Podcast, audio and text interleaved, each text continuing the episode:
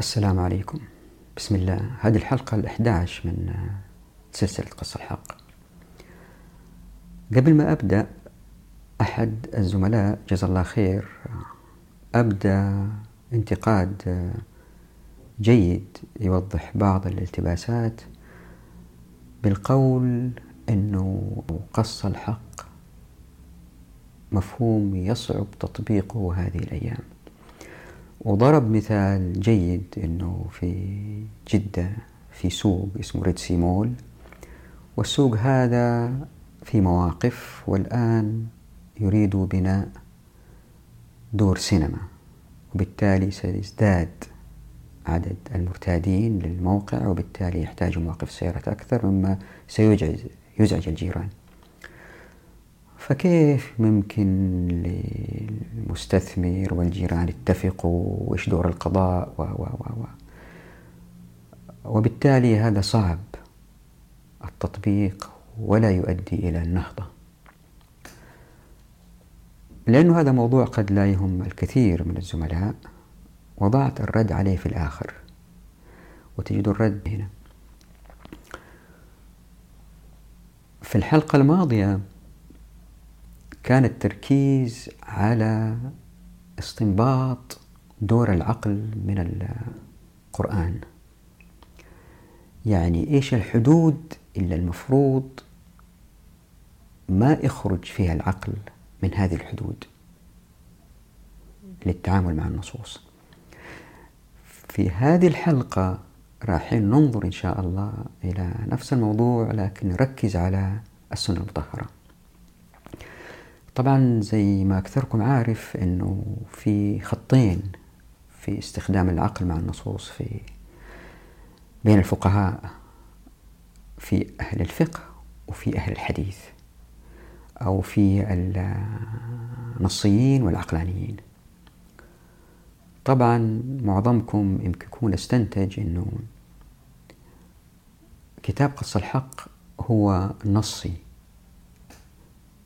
أقول نعم هو نصي في مقصوصة الحقوق وليس في شيء آخر. لأني زي ما وضحت في الحلقة الماضية الحقوق أتت مكتملة وبالتالي هذه الحقوق متى ما دخلنا فيها نخربها.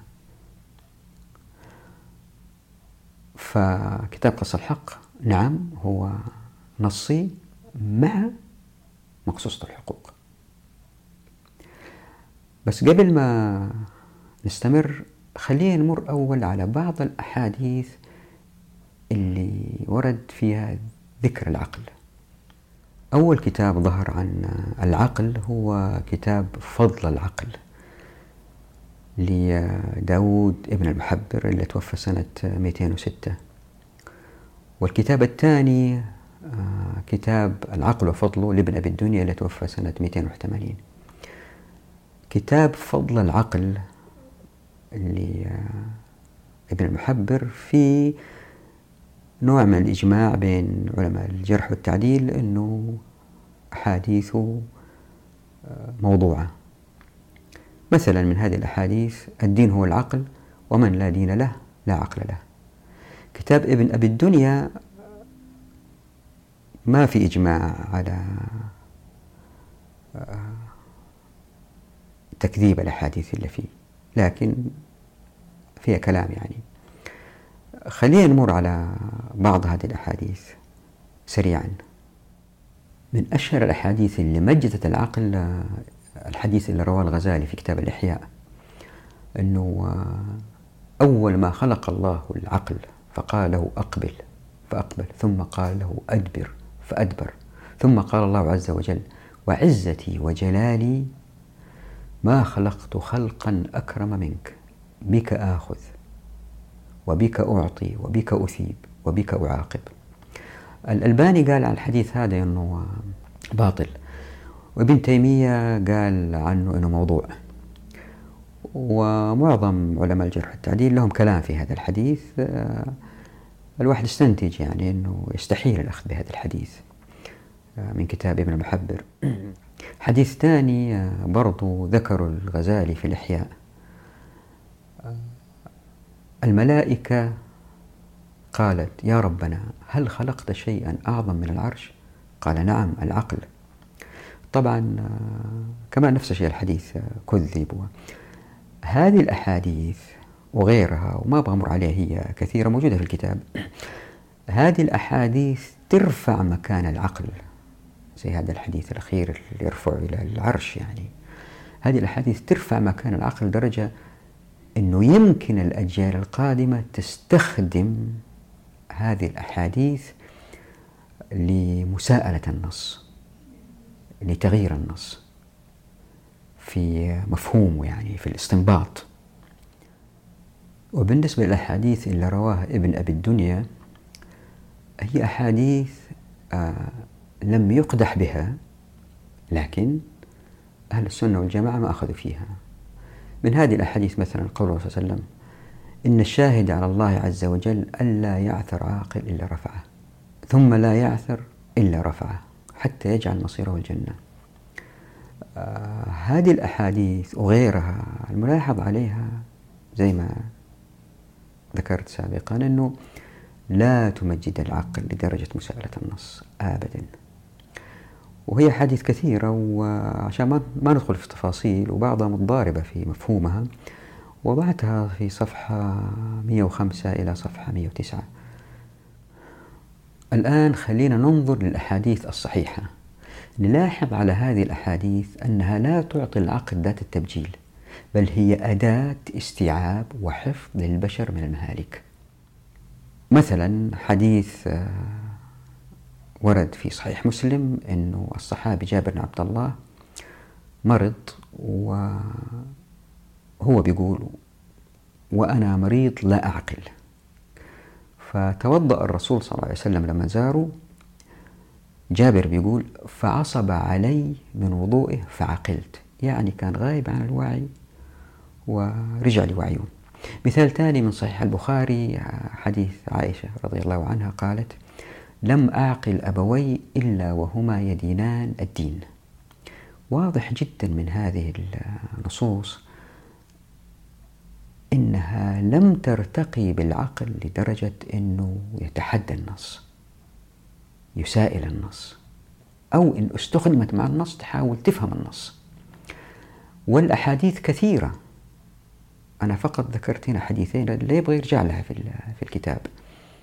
في سؤال خلى العلماء بالذات علماء الفلسفة يدخلوا في الشريعة وسبب تمزق الأمة وكان من أسباب تخلف المسلمين هو ليس السبب الرئيسي أنا أعتقد السبب الرئيسي هو عدم تطبيق مقصوصة الحقوق السؤال هو هل الإنسان مسير أو مخير؟ الإجابة على هذا السؤال دخلوا في نقاش أتأثروا فيه بالفلسفة اليونانية فكان هذا السؤال هو البوابة الخلفية لدخول العقل لمساءلة النص آه، في الشريعة. يعني ظهرت أسئلة فلسفية لم توجد أصلا أيام الرسول صلى الله عليه وسلم ولا الخلفاء بعده. منها هذا السؤال. هل الإنسان مسير مخير؟ للخروج بإجابة على هذا السؤال دار جدل وكل ما لهم للخروج منه يحفروا الحفرة أعمق وأعمق فيصعب الخروج منها لأن كل فريق يجيب لك أسئلة السؤال هو هل نحن كمسلمين نحتاج الخوض في هذه المسائل بالذات عموم الناس هل تزيد في إنتاجية الأمة؟ عمرك شفت اثنين من الفلاسفة اتفقوا؟ إذا اتفقوا ما يصيروا فلاسفة. إذا اختلفوا واحد على الحق والثاني ضال. كيف نعرف مين اللي على الحق؟ هذه مشكلة. هذه المشكلة ما نقدر نخرج منها إلا باستخدام العقل. هنا كانت البداية. بدأت بالجرأة على النص. وهذا منزلق وقع في الفقهاء. بحسن نية بحسن نية ومن أهمهم المعتزلة. مثلا استشهدوا بالنص بإعمال عقولهم فيه لنفي الظلم عن الله سبحانه وتعالى من خلال تفسيراتهم. ما بدخل في التفاصيل هنا موجودة التفاصيل صفحة 111 ولا بعدها وقبلها. وهذا المنزلق اللي وقع في المعتزلة باستخدام عقولهم هو اللي وقع في كثير من الفقهاء المعاصرين مع الأسف. لأنهم اعتقدوا أن الزمان تغير وبالتالي الأحكام يجب أن تتغير لتساير العصر لأن الإسلام صالح لكل زمان ومكان وأن الزمان والمكان متغيرين إذا يجب على الشريعة أن تتغير في مسألة الحقوق. فاستخدموا عقولهم في النصوص عشان يأتوا بأحكام جديدة. يعني كأنهم معتزلة معاصرين. والعياذ بالله. كيف؟ إلا كان عليه فقهاء الأمة إذا ظهرت نازلة جديدة أو إشكالية جديدة تحتاج حكم شرعي. اللي كانوا عليه أنهم كانوا يرجعوا للقرآن السنة الإجماع فتاوى الصحابة القياس الاستحسان العرف المصالح المرسلة الذرائع الاستصحاب على الترتيب بهذا الترتيب. لاستنباط الأحكام. يعني ارجعوا لهذه المصادر لإيجاد الحكم الجديد. طبعا كما هو معروف اختلفوا في الرجوع لهذه المصادر. مثلا الإمام أبو حنيفة آه، لا يأخذ بقول التابعين لأنه رجال مثله. الإمام مالك كان يأخذ بعمل وفعل أهل المدينة مثلا. الإمام الشافعي كان ما يأخذ بالإستحسان والمصالح المرسلة. يعني برغم اختلافاتهم ما كان العقل حاكم لإيجاد الأحكام كالشيعة مثلا. لا كان له دور ولا الشافعي بالقول إن الأحكام لا تؤخذ إلا من نص أو حمل على النص. طبعا بعض المذاهب زي الشافعية ضيقوا الموضوع على القياس. وبعضهم زي الأحناف وسعوا مثلا الحمل على النص إلى الاستحسان والمصالح المرسلة. من هذه يتضح أنه دور العقل كان في استنباط الحكم من النصوص. وهذه المصادر. وليس من العقل. طبعا هذا اللي وصفته هو ألف باء بالنسبة لفقهاء الشريعة. اللي بالتفصيل موجود في الكتاب لكن لغير فقهاء الشريعة اللي ما عندهم إلمام بأصول الفقه أقول لهم باختصار هو الموضوع الآتي.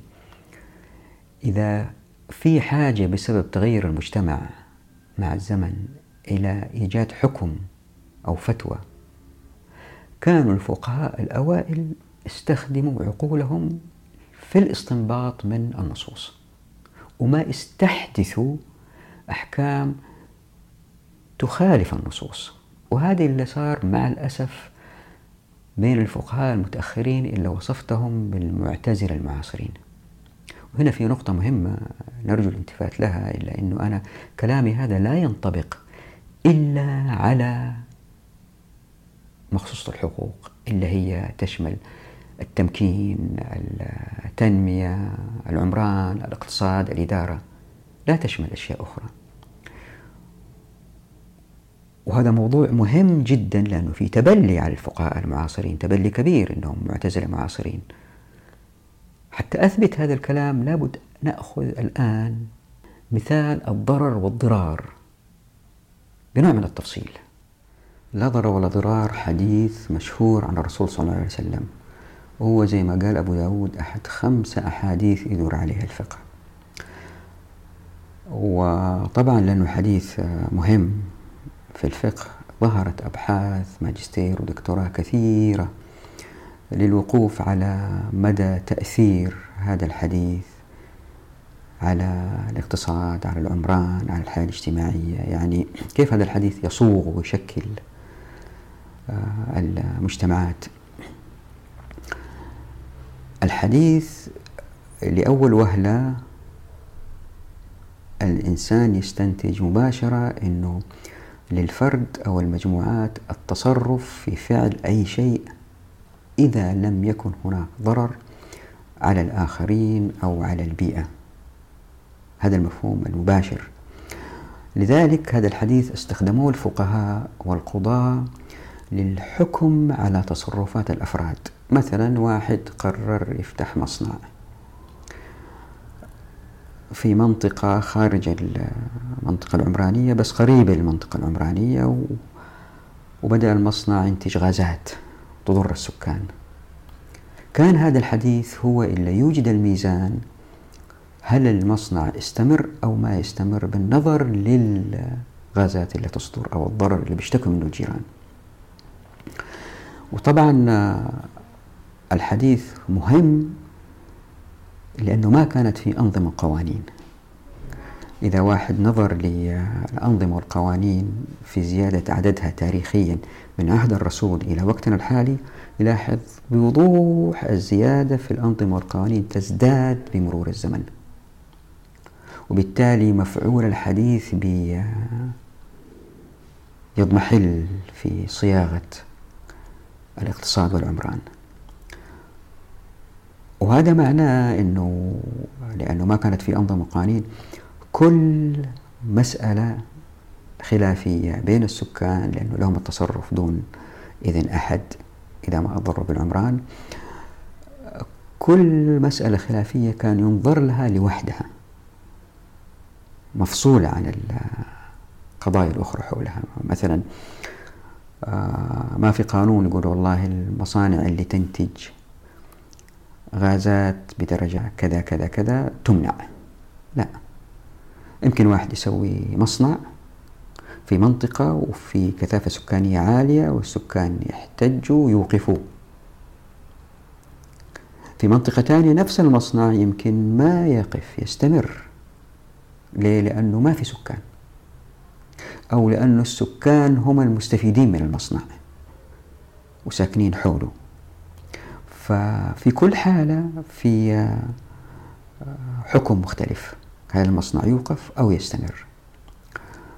هذا معناه أنه الحقوق اللي تكتسبها العقارات تختلف من عقار لعقار. يعني في المثال اللي ضربته المصنع المصنع الأولاني قد يوقف يمنع المصنع الثاني يمكن يستمر أو يطلب من صاحب المصنع تخفيف الضرر في المثال الثالث آه، يمكن يستمر. فكل عقار له حقوقه اللي تختلف عن العقارات الأخرى وكأنه العقارات أفراد أو المواقع أفراد وفصلنا لهم الحقوق لهم. وأنا الآن بضرب أمثلة من العمران وراح نجي على الأمثلة الاقتصادية لأنه ما دخلنا في الاقتصاد لسه بعدين نتكلم عن الاقتصاد. لأنه بدأنا الآن بإحياء الأرض ومسائل عمرانية بستخدم أمثلة عمرانية وهي الأمثلة العمرانية آه، أقرب للإحساس والتفاعل من القضايا الاقتصادية. في حيثيات لازم أشرحها بعدين آه، نبدأ نتكلم عن القضايا الاقتصادية. والحديث أيضا يعني ضمنيا أنه الحياة الإنتاجية في الأمة إن طبقوا حديث الضرر والضرار يعني أن الحياة مبنية على المثابرة في الإنتاج وليس على التزلف والنفاق والوسطات لأنه الآن لا تستطيع إنشاء مصنع إلا بأخذ موافقة من الدولة. وأحيانا بعض المسؤولين يمكن يتلاعبوا في إعطاء الموافقات. مقابل مصالح مالية أو سياسية أو اللي يكون. واللي بيصير إنه هنا في بذرة فساد.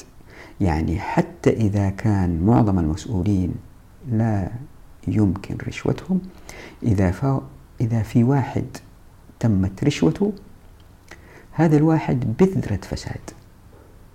اللي يمكن تكبر وتصير شجرة وأشجار وغابة.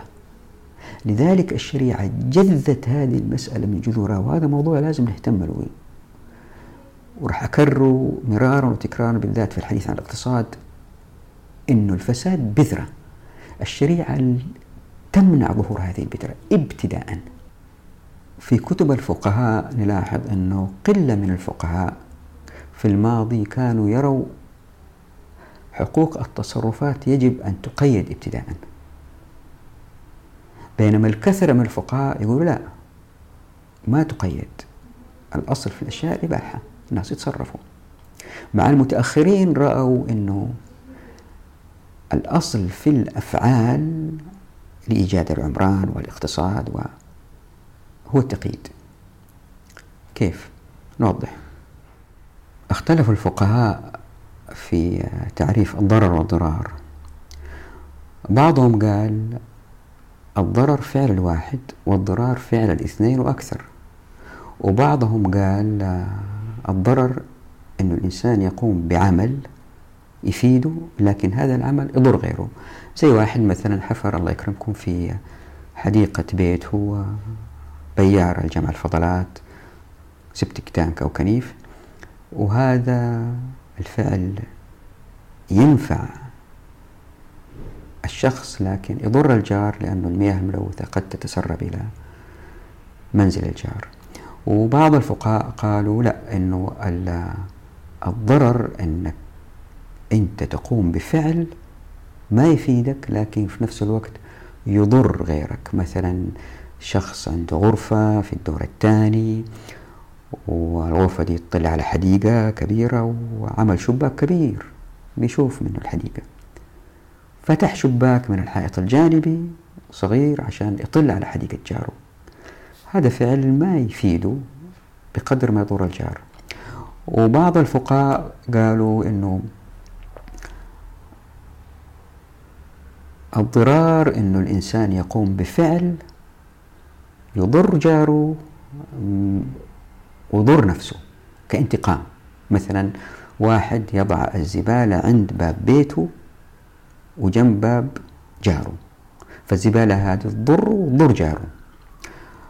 آه، ومن الأقوال أنه الضرر والضرار نفس الشيء بس إنما الضرر هو الاسم والضرر هو الفعل. من هذه التعاريف في مفهوم واضح يظهر ألا وهو أنه للأفراد التصرف دون أخذ إذن مسبق من أحد. وهذا يطلق الأفراد أكثر وأكثر الإنتاجية آه، وأيضا في استنتاج واضح أنه الأفعال اللي يمنع منها الشخص أو المجموعة الشركاء اللي يكون الناس المتصرفين هي الأفعال التي تضر بالآخرين. يعني الإنسان جوا عقاره يقدر يتصرف من غير ما يأخذ اسم أحد. مثلا شركاء عندهم مصنع وأرادوا إضافة منشآت جديدة للمصنع بيتوسعوا في المصنع ما يأخذ إذن أحد. ليه؟ لأنه هذا داخل ممتلكاتهم. واحد عنده غرفتين يمكن يضمهم على بعض. يبغى يبني ملحق في الحديقة يبني ما يأخذ إذن أحد. وطبعا هذه تؤدي إلى مزيد من انطلاق الأفراد ويوسع من دائرة سيطرة الأفراد. وبكده نستنتج أنه الأفعال اللي يمكن يمنع منها الناس بعد ما يبدأوا الفعل هي اللي تضر بالجيران المتأثرين أو حتى الأباعد. مثلا واحد أو جماعة سووا مصنع وسووا المصنع مدخنة عالية. جدا. وترمي غازات والغازات دي مع الرياح تروح بعيد وتنزل على بعد مثلا عشرة كيلو. الناس اللي على بعد عشرة كيلو المتضررين من المصنع لهم الحق في إيقاف هذا المصنع. فمن التعريفات نستنتج أنه هي الأفعال اللي تضر الأفراد والأفعال اللي تضر ممتلكات الأفراد. زي مثلا آه، واحد آه، رمى مياه أمطاره على جاره المتأثر العقار وليس الفرد. وأيضا هي الأفعال اللي آه، تضر بالبيئة. إذا مثلا من الأبحاث استنتجنا أنه الغازات السامة ألف أو باء تضر نوع معين من الطيور. وإذا الطيور هذه ماتت يصير تغيير إيكولوجي في البيئة. للناس الحق في إيقاف هذا المصنع. أو بالأصح زي ما راح نوضح الطلب من المصنع لإيقاف الضرر لقطع الضرر. فالمصنع يندفع لإيجاد حلول لإلغاء هذه الغازات مع الاستمرار في العمل وهذا يدفع التقنية زي ما راح نشوف إن شاء الله. وطبعا هذا الكلام مو بس في العمران لا أيضا في كل النشاطات الاقتصادية. مثلا للناس الترحال للبحث عن المعادن. مثلا مجموعة شباب عندهم شوية أجهزة يروح يبحثوا مثلا عن الذهب أو الألمنيوم أو النحاس عشان يستخرجوه. ما يأخذوا إذن أحد. لأنه زي ما راح نشوف إن شاء الله فصل الخيرات هذه المعادن آه، فوق الأرض أو تحت الأرض هي ملك لمن حازها مثل إحياء الأرض في إحياء معادن. وبالتالي آه، إذا هذول وجدوا معدن وبدأوا يستخرجوه والناس الثانيين يشوفوا والله الناس هذول بيستخرجوا معدن من هنا وبينقلوه وبيبيعوه. فرايحين يتحركوا ويفتحوا مصا... آه، مناجم في نفس المكان. وبالتالي تكثر الخيرات ويكثر الإنتاج. فحديث الضرر يدفع الناس المزيد من الإنتاجية وليس حديث لإزالة الضرر فقط بين الجيران لا. آه، خليني أضرب مثال هنا مثلا كنت في المجلس العلمي أو لجنة الأبحاث قبل حوالي 30 سنة في الجامعة وجاء واحد وعمل اقتراح لبحث كويس لدراسة التلوث في مياه الخليج وتأثيرها على الأسماك لأنه في دول كثيرة بترمي فضلات زي إيران زي العراق الإمارات السعودية. يعني ما في سيطرة تامة على الفضلات التي بتلقى. فبشوف يبغى يشوف تأثيرها على الأسماك. وحصل على دعم مالي جيد يعني مجزي لعمل البحث. بعد سنتين نفس الباحث جاء طلب إلغاء البحث. ليه؟ لأنه أتبهدل كل ما يجي نازل البحر لعمل التجارب وأخذ عينات. خفر السواحل أنت فين رايح؟ أنت فين جاي؟ تفتيش و... ولازم يأخذ تصريح من الإمارة ومن هنا من هنا. الراجل بطل في البحث. طبعا يمكن واحد يقول لي بس ضروري جدا إنه نسيطر على السواحل يمكن يجي واحد آه، يهرب مخدرات. فالامن شيء مهم. أقول إيوه نعم. لكن المخدرات بتتهرب عشان تنباع وهي تنباع لأنه الشباب عاطلين هم عاطلين لأنهم مقيدين. فالناس إذا فتحت لهم أبواب التمكين زي ما قلنا في الفيديوهات السابقة الموارد والموافقات والمعرفة ولما ينطلقوا في الإنتاج ويشتغلوا في أشياء يحبوها زي ما راح نشوف فصل ابن السبيل اللي يصير إنه ينشغلوا في حياتهم ويسعدوا في حياتهم وما يحتاجوا مخدرات وبالتالي ما يصير في مجال كبير لبيع المخدرات. ألين تنتفي الحاجة إلى المخدرات؟ ما حتطلبها. نفس الشيء بالنسبة لل للسرقات. الناس اسرقوا لأنهم فقراء. هم فقراء لأنهم مقيدين ما هم متمكنين. طبعا زي ما هو معروف الفقهاء جزاهم الله خير استنبطوا قواعد من حديث الضرر منها مثلا الضرر يزال الضرر لا يزال بمثله يتحمل الضرر الخاص لدفع ضرر عام الضرر الأشد يزال بالضرر الأخف طبعا درء المفاسد أولى من جلب المصالح. الآن بالنسبة للمسائل اللي هي ما هي عمرانية ما هي تنموية اقتصادية الضرر واضح تماما يعني. والله أعلم ما بحث في هذه المسألة لكن الضرر واضح مثلا بناء على السياسة الشرعية والمصالح المرسلة وقاعدة الضرر يدفع قدر الإمكان يمكن يفرض الفقهاء الجهاد لاحتمال غزو متوقع. ومثلا إذا كان دجاجة بلعة الماصة ثمينة لواحد بناء على قاعدة تختار أهون الشرين أو أخف الضررين لصاحب الألماسة أنه يحصل على الدجاجة بقيمتها في السوق عشان يأخذها ويذبحها ويأكلها ويحصل على الماسته بذبح الدجاج ينتهي الموضوع يعني الضرر واضح ومعروف. لكن في القضايا التنموية الاقتصادية العمرانية الإدارية لا. الوضع مختلف. كيف؟ إذا تتذكروا في الحديث عن القذف بالغيب مكان بعيد كان المحور هو أن البشر ما يستطيعوا أن يتوقعوا ما الذي سيحدث مستقبلا في البيئة وسيخطئوا لا محالة. كان هذا المحور. وإذا تتذكروا في مثال الشجرة قلت إنه قرية تأتيها مئة أو ألف شجرة وكيف يوزعوها؟ وأنه لكل توزيع معين مآلات مستقبلية. ما نعلمها.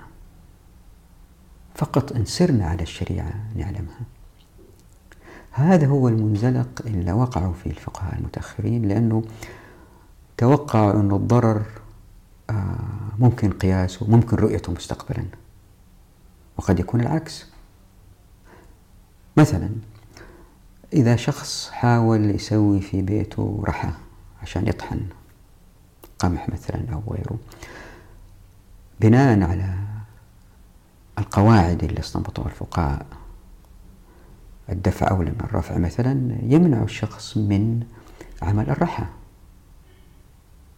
وبالتالي هذا فعل يستفيد منه الإنسان ويتعطل في كسب رزقه. ما يؤدي إلى مآلات أخرى أو تراكمات أخرى.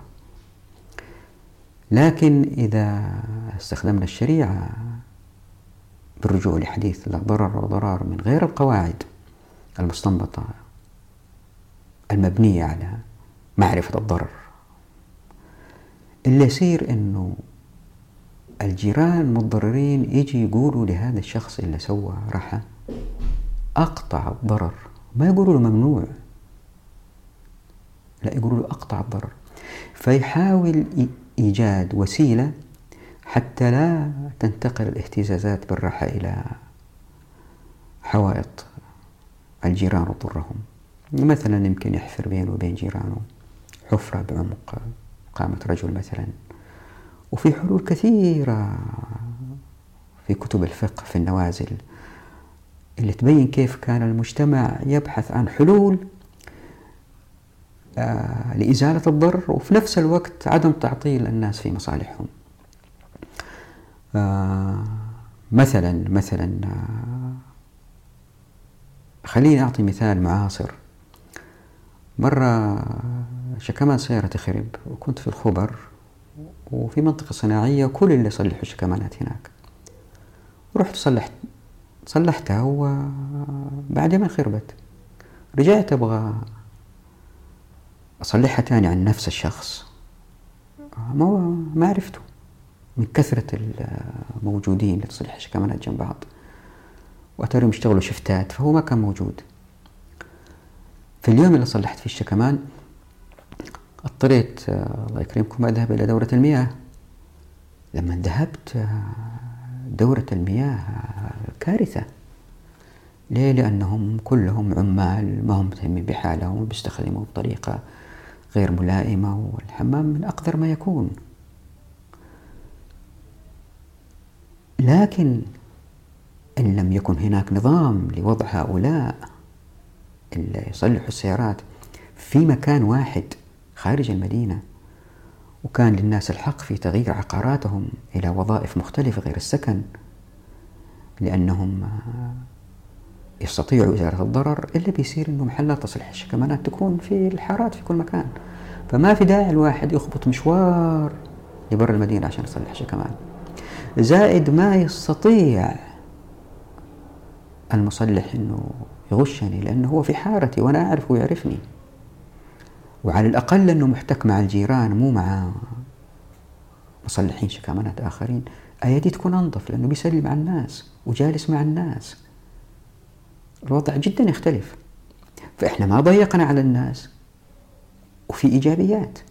الآن ما نعرف هذه الإيجابيات والسلبيات بعقولنا عشان نضع لها نظام. وهذا اللي صار مع الأسف. آه، اللي يقرأ كتب الفقه يجد أنه هناك حلول بالتجربة اكتشفوها الناس. مثلا ابن الرامي في كتاب الإعلام بأحكام البيان بيقول أنه والله من الأفضل للشخص اللي يسوي مثلا رحى أنه يترك مجاز أو غرفة أو مخزن بينه وبين جاره حتى يبعد المسافة بين مكان الرحى وحوائط الجيران. مثلا هذه الأيام إذا واحد حاول يسوي محل لتصليح السيارات المصدومة السمكرة هذه اللي يخبط وتطلع صوت شديد ما يقولوا له ممنوع أصلا. لا يقولوا له أقطع الضرر. يمكن يسوي غرفة كاتمة للصوت زي اللي في الإذاعات ويصلح فيها السيارة جوا. كون إنه الناس يسمح لهم بالمبادرة والتغيير والإضافة في العمران أو الاقتصاد هذا معناه أنه الشخص الذي بادر وعمل الفعل هو أكثر إنسان فاهم موقع الفعل. مثلا إذا واحد يبغى يعمل منجرة وحول بيته إلى منجرة أو أو عقار ابنكم وشرط بيته في أي مكان وعمل منجرة. وقالوا له أقطع الضرر ويحسبها إنه هل قطع الضرر يوفي معاه في البزنس ولا لا في الربح ولا لا. فيصر على قطع الضرر. ليه؟ لأنه يرى أنه من هذا الموقع هو مكان مناسب لجلب الأخشاب من هنا ولبيع الموبيلة اللي يسويها بالأخشاب من هنا. فموقعه مناسب لهذه الوظيفة فيصر عليها. ولما ينجح ويبدأ يكسب يجي الثاني جنبه.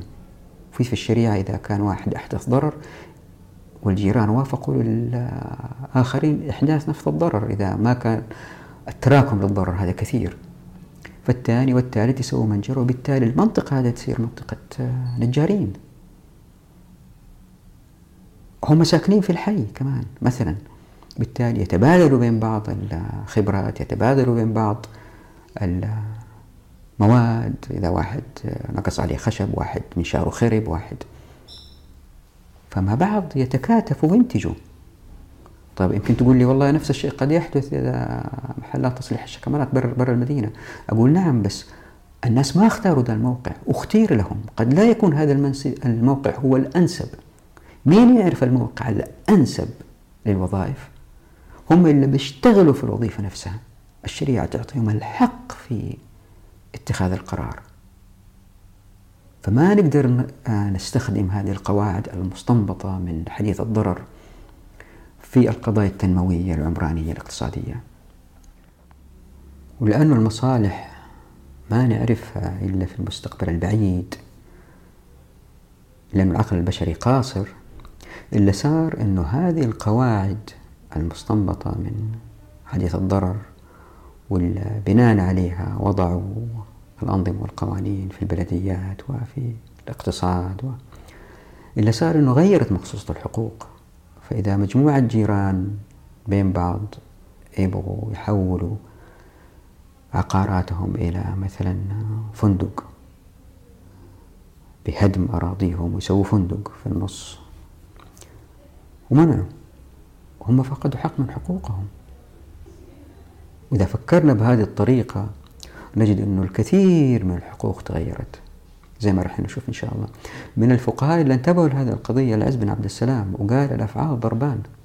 في أفعال نتوقع مآلاتها ونقدر نتدخل في آلات في أفعال ما نقدر نتوقع مآلاتها البعيدة مستقبلا. فيجب أن نكون محافظين تجاهها. إلا زاد الوضع سوء هو أنه هذه القواعد المستنبطة من حديث الضرر عززت بقواعد أخرى أو أقصد بأصول أخرى كالاستحسان وسد الذرائع والمصالح المرسلة. هذا من جهة. من جهة أخرى جول متخصصين في البيئة في ايكولوجي علم التبيؤ في علم الاقتصاد. وقالوا الفقهاء فما يصير لا ضرر ولا ضرار. لابد أنه تقنن الأمور لابد يكون في عدل بيئي. الجيران في نفس الحارة لازم يكونوا كلهم متساويين في الحقوق مو واحد أكثر من الثاني. طبعا هنا في واحد يمكن يسأل يقول بس هذا مو عدل إذا واحد أخذ حق أكثر من الثاني. أقول في قضية مهمة هنا راح نشرحها قدام بالتفصيل ومريت عليها سابقا في فيديوهات سابقة. أنه برغم الحرية للأفراد لأنه في إحياء أرض ولا سبق يحصل على حقوق أعلى في عقاره نجد البيئة الإسلامية متشابهة في مبانيها. ليه؟ لأن الناس طوعا يختاروا الحل, الحل الأمثل ويكرروه. فبالتالي الحرية في كسب الحقوق من غير الإضرار بالآخرين أدت إلى تساوي في الحقوق وهذا إعجاز وهذا إن شاء الله بإذن الله. أنظروا للمساكن. في المدن الإسلامية القديمة تجدها متشابهة رغم أنه كانوا يستخدموا مبدأ الضرر والضرار لأنه في أعراف جمعتهم وهذه الأعراف تنتج وتتبلور وتتقن عندما الناس تكون أيديهم مطلقة ويجربوا الحلول المختلفة والحل الأمثل يكرروه ويتكرر ألين يصير عرف. وبالتالي بتعاضد هذه القواعد والأصول مع آراء المتخصصين. ظهرت الفتاوى مثل جواز نزع الملكية مثل منع الإحياء إلا بإذن الإمام مثل امتلاك السلطات لكل المعادن وما حد يقدر يستخرجها إلا بموافقات. واللي صار احتكار لهذه الموارد بدل ما تنتشر بين الناس والناس يأخذوها ويصنعوا ويطوروا ويبادروا وانتشر الثراء بين الناس ويتقاربوا بعدين في الدخل اللي صار احتكار ومحسوبيات وطبقات مختلفة. كيف كل هذا حدث؟ طبعا التفصيل هنا ما هو مهم. المهم المحطات. اللي صار إنه الأنظمة زي ما قلت بدأت تزيد من الخلافة إلى نهاية الدولة العثمانية تزداد بمرور الزمن. وفي كتاب عمارة الأرض في الفصل التاسع ببين كيف البلديات بدأت بالقيام ببعض المهام مثل تنظيف الشوارع إضاءة الشوارع. بدأوا بدأوا يأخذوا ضرائب من الناس للقيام بهذه الأفعال وبالتدريج تكون جهاز إداري لازم يعمل وهذا الجهاز لازم له موارد ولازم يقوم بواجبات. وبدأوا يبحبشوا في البيئة أكثر وأكثر ويدخلوا أكثر وأكثر. لكن التدخل القوي ظهر فقهيا يعني وأعطاه شرعية آه، في الستينات والله أعلم.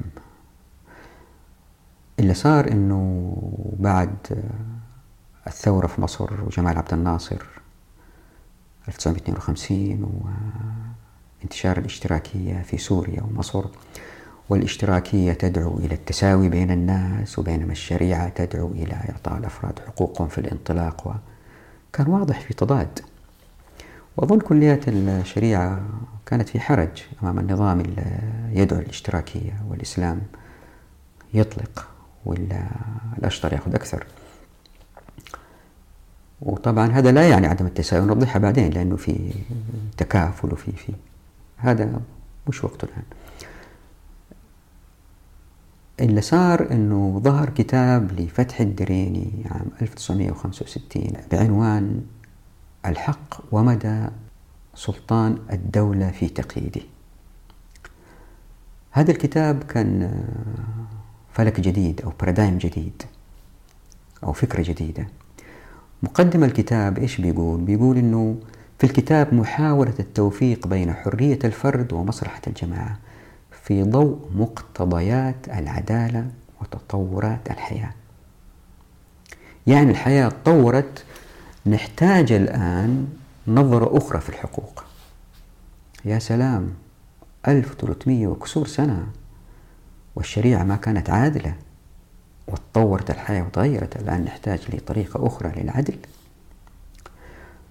عشان تتضح الصورة أبى أقرأ لكم نص من كتاب فتح الدريني يقول الضرر العام الذي يلزم عن تصرف الفرد فيما منح من حق أو إباحة فإنه يمنع منه ولو لم يقصد إلى ذلك الضرر أو يقصر في الاحتياط. يعني إذا واحد له الحق في التصرف وأتصرف وفي ضرر من هذا التصرف نمنع من التصرف. بل ولو كان الباعث عليه مشروعا أو حسنا من مثل تلقي السلع أو إقامة مصنع في ظاهر المدينة ليساهم في الاقتصاد الوطني أو الثروة الوطنية. وهو استعمال مشروع ومعتاد لحق الملكية. ثم ينشأ حوله بعد حين حي راقي للسكن بحيث أضحى وجود المصنع مصدر قلق وإزعاج وخطر على صحتهم أو معطلا لانتفاعهم بالمنافع الأصلية المقصودة عادة من العقارات التي يسكنونها. فالسلوك معتاد انتبهوا. فالسلوك معتاد والتصرف في دائرة الحق والتصرف في دائرة الحق. ومعتاد أيضا والباعث مشروع والمصنع سابق في وجوده على الحي. ومع ذلك يمنع إذا أربى ضرره على نفعه.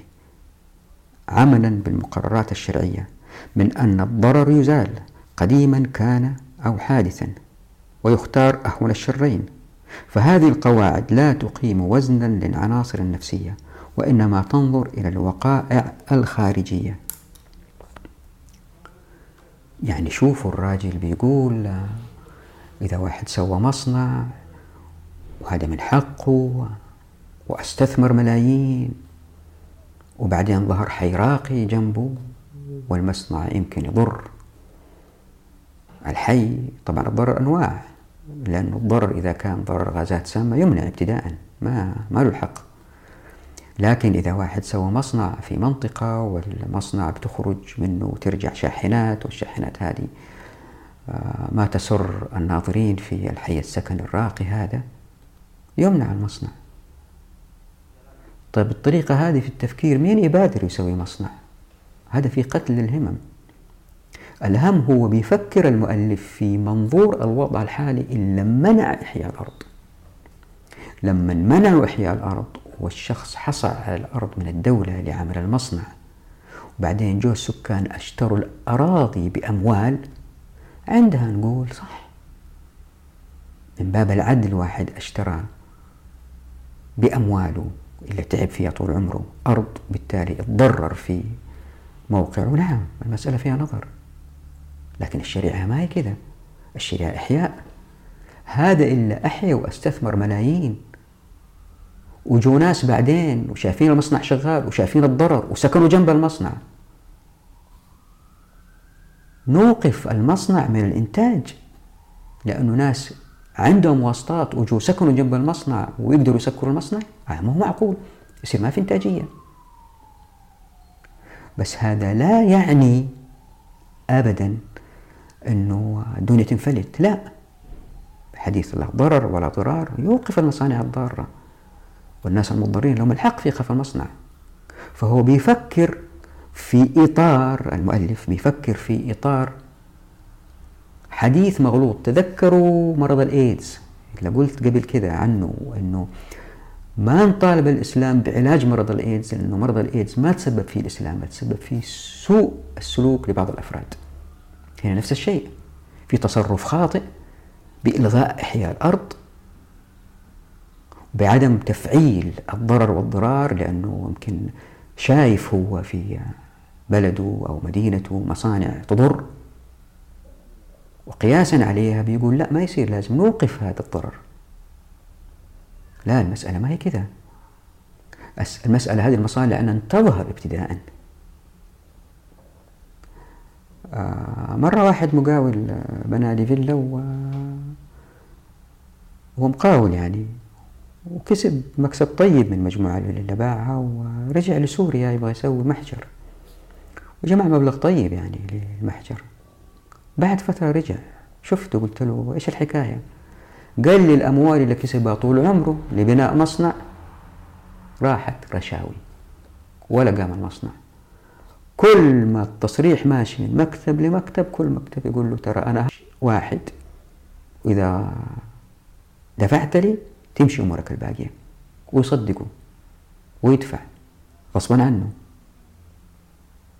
وبكده يتعطل المجتمع ما ينتج لأن الكل مقيد. ولأنه الموظفين هذول دخلهم منخفض بالنسبة للتجار يستحلوا أخذ الرشاوي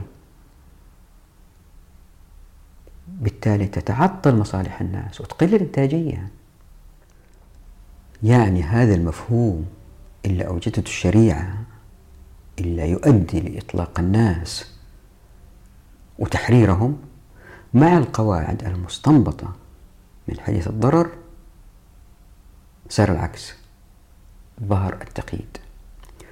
مثلا آه، بالرجوع لمبدأ الدفع أسهل من الرفع الدرين يستنتج يقول وهذا مقصد عام يجب أن يراعى في جميع شؤون الدولة الاقتصادية والاجتماعية والسياسية. فللدولة أن تسن فللدولة أن تسن من القوانين ما يدفع الضرر المتوقع عن الأفراد والجماعات. يعني خلاص الدولة تنظم عشان لا يقع الضرر على أحد وتضع الأنظمة والقوانين. طبعا الدولة أفراد والأفراد عقولهم قاصرة. وكأنه فتح باب السباق بين طلاب العلم والباحثين للنظر للمجتمعات الأخرى اللي أوجدت أنظمة وقوانين بعقولهم القاصرة وبدأوا يستوردوا من هذه الأنظمة والقوانين. مثلا واحد أرسل لي كتاب قال لي شوف هذا باحث كيف بيفيد مدينة دبي وكيف أنهم وضعوا أنظمة وقوانين تخطيطية إسلامية بالرجوع لمبدأ الضرر. وباختصار الكتاب يقول عشان لا يقع ضرر مثلا زيادة الأحمال على المرافق نمنع التعلي عن كذا دور وعشان ما يقع هذا نمنع كذا وعشان ما يقع كذا نمنع هذه الأفعال وبالتالي ظهرت الأنظمة والقوانين. يعني إيش الفرق بيننا وبين, وبين العالم الغربي اللي سحب الكرة الأرضية لتغير مناخي وطبقيات وفقر؟ ما صار في فرق. إحنا كمسلمين الشريعة أتت عشان ننقذ الكرة الأرضية. آه هذه الأفكار فتحت المجال لفكرة جديدة بدأت تظهر ألا وهي أنه الناس المسلمين زمان أول صحيح عندهم حقوق من الشريعة لكن كانوا ناس طيبين وكانوا عندما يستخدموا حقوقهم ما يستخدموها بطريقة تؤذي الآخرين. لكن الآن لا الناس تغيروا ويمكن يستخدموا آه، حقوقهم بطريقة تضر الآخرين. فظهرت عبارة التعسف في استخدام الحق. يعني واحد عنده حق واستخدمه بطريقة تعسفية. مثلا له الحق في التعلي يعلي بطريقة تضر جاره فظهرت الأفكار حول ما هي حدود التعسف في استخدام الحق. ولأنه موضوع يجب أن يأخذ حقه يجب أن نتوقف هنا وإن شاء الله بإذن الله نكمل في الفيديو القادم ولا في نهايته نشرح إن شاء الله آه، انتقادات الزميل. نراكم على خير ودعواتكم. في أمان الله.